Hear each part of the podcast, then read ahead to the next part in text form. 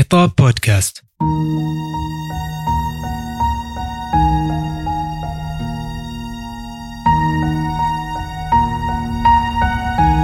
تنسج شهرزاد من وحي خيالها باقة من أروع القصص والحكايات وهي بدورها ستجعل الملك يترقب نهايتها في كل ليلة. قصة بعد قصة وحكاية تعقبها حكاية وبتنوع الشخصيات وتعددها. ستأسر شهرزاد الملك بهذا الخيال الساحر. هنا سنغوص في أعماق هذا الخيال لنكتشف تلك الأحداث بكل تفاصيلها. أنا أنس وسأرافقكم في هذه الرحلة لنرى أين هي تلك النهاية. هنا منصة خطاب حيث للأدب حكاية.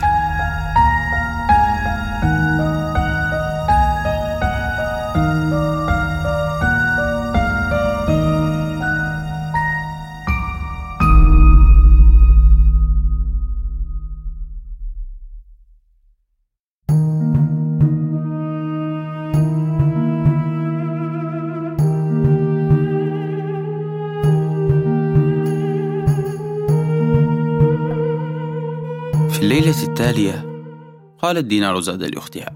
رجاء يا أختاه.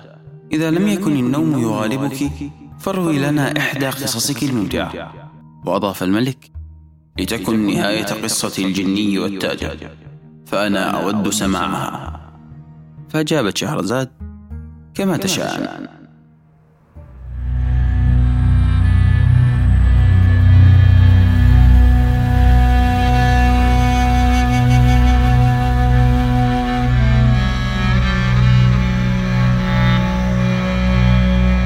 بلغني أيها الملك العظيم ذو الرأي الحكيم أنه بينما كان التاجر والرجل صاحب الكلبين الأسودين يتحدثان معا أبصر فجأة ترابا يتصاعد وعندما تبدد شاهد الجني وهو يقترب منهما ممسكا بسيف فولاذي في يده ووقف أمامهما دون أن يلقي التحية وقال للتاجر تأهب للموت. فأخذ التاجر والرجل العجوز في البكاء. اقترب الرجل العجوز صاحب الكلبين الأسودين من الجن.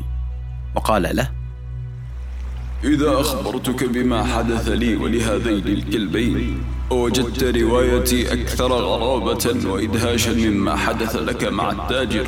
فهل فهل ستعتقه؟ فأجاب الجني نعم سأفعل. وبذلك بدأ الرجل العجوز في رواية قصته. اسمع أيها الجن.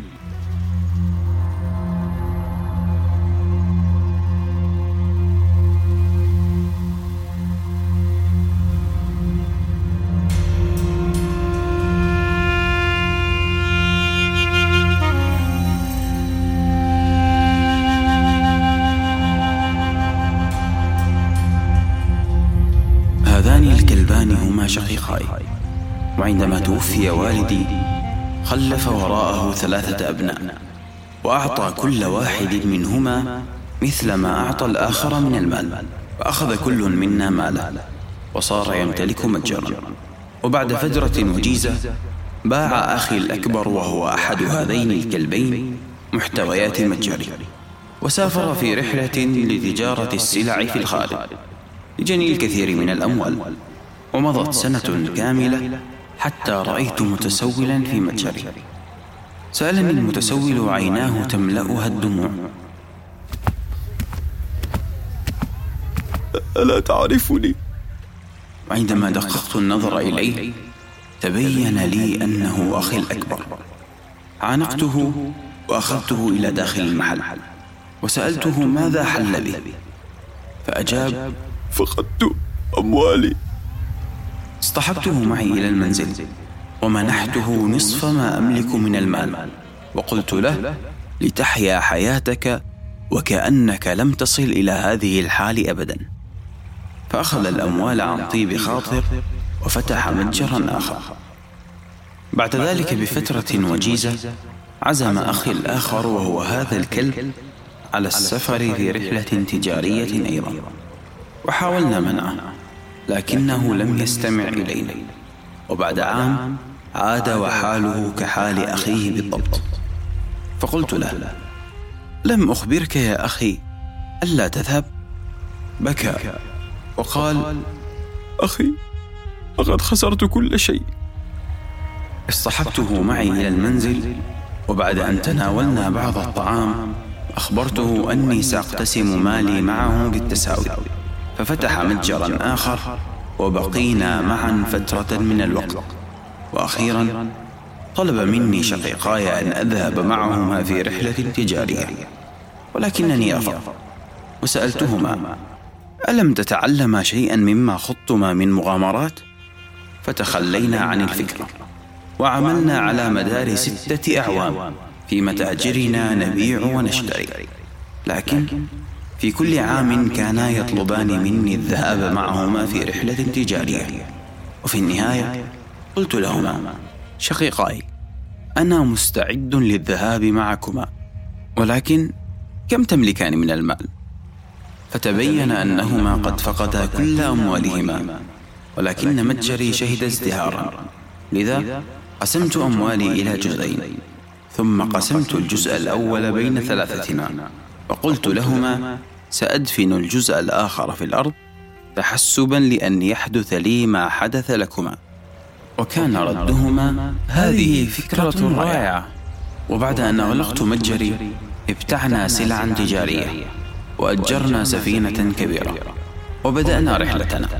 فأبحرنا طوال الليل والنهار. مدة شهر كامل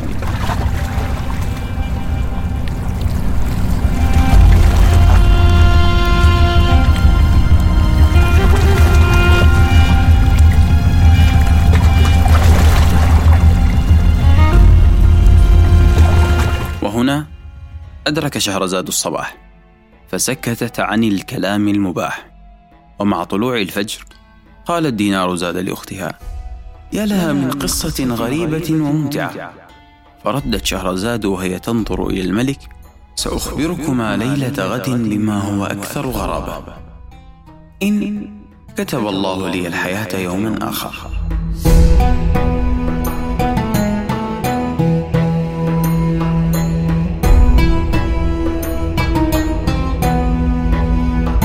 خطابات أدبية. في هذا البودكاست ننتقل بين خطابات خلدت بأقلام التاريخ على صفحات تنتظر من يتأملها بعناية. لا تنسوا زيارة منصتنا على تويتر وإنستغرام. at underscore khetab underscore. ومشاركة هذه الحلقة مع أصدقائكم. كما يمكنكم الاستماع أيضا إلى حلقاتنا السابقة.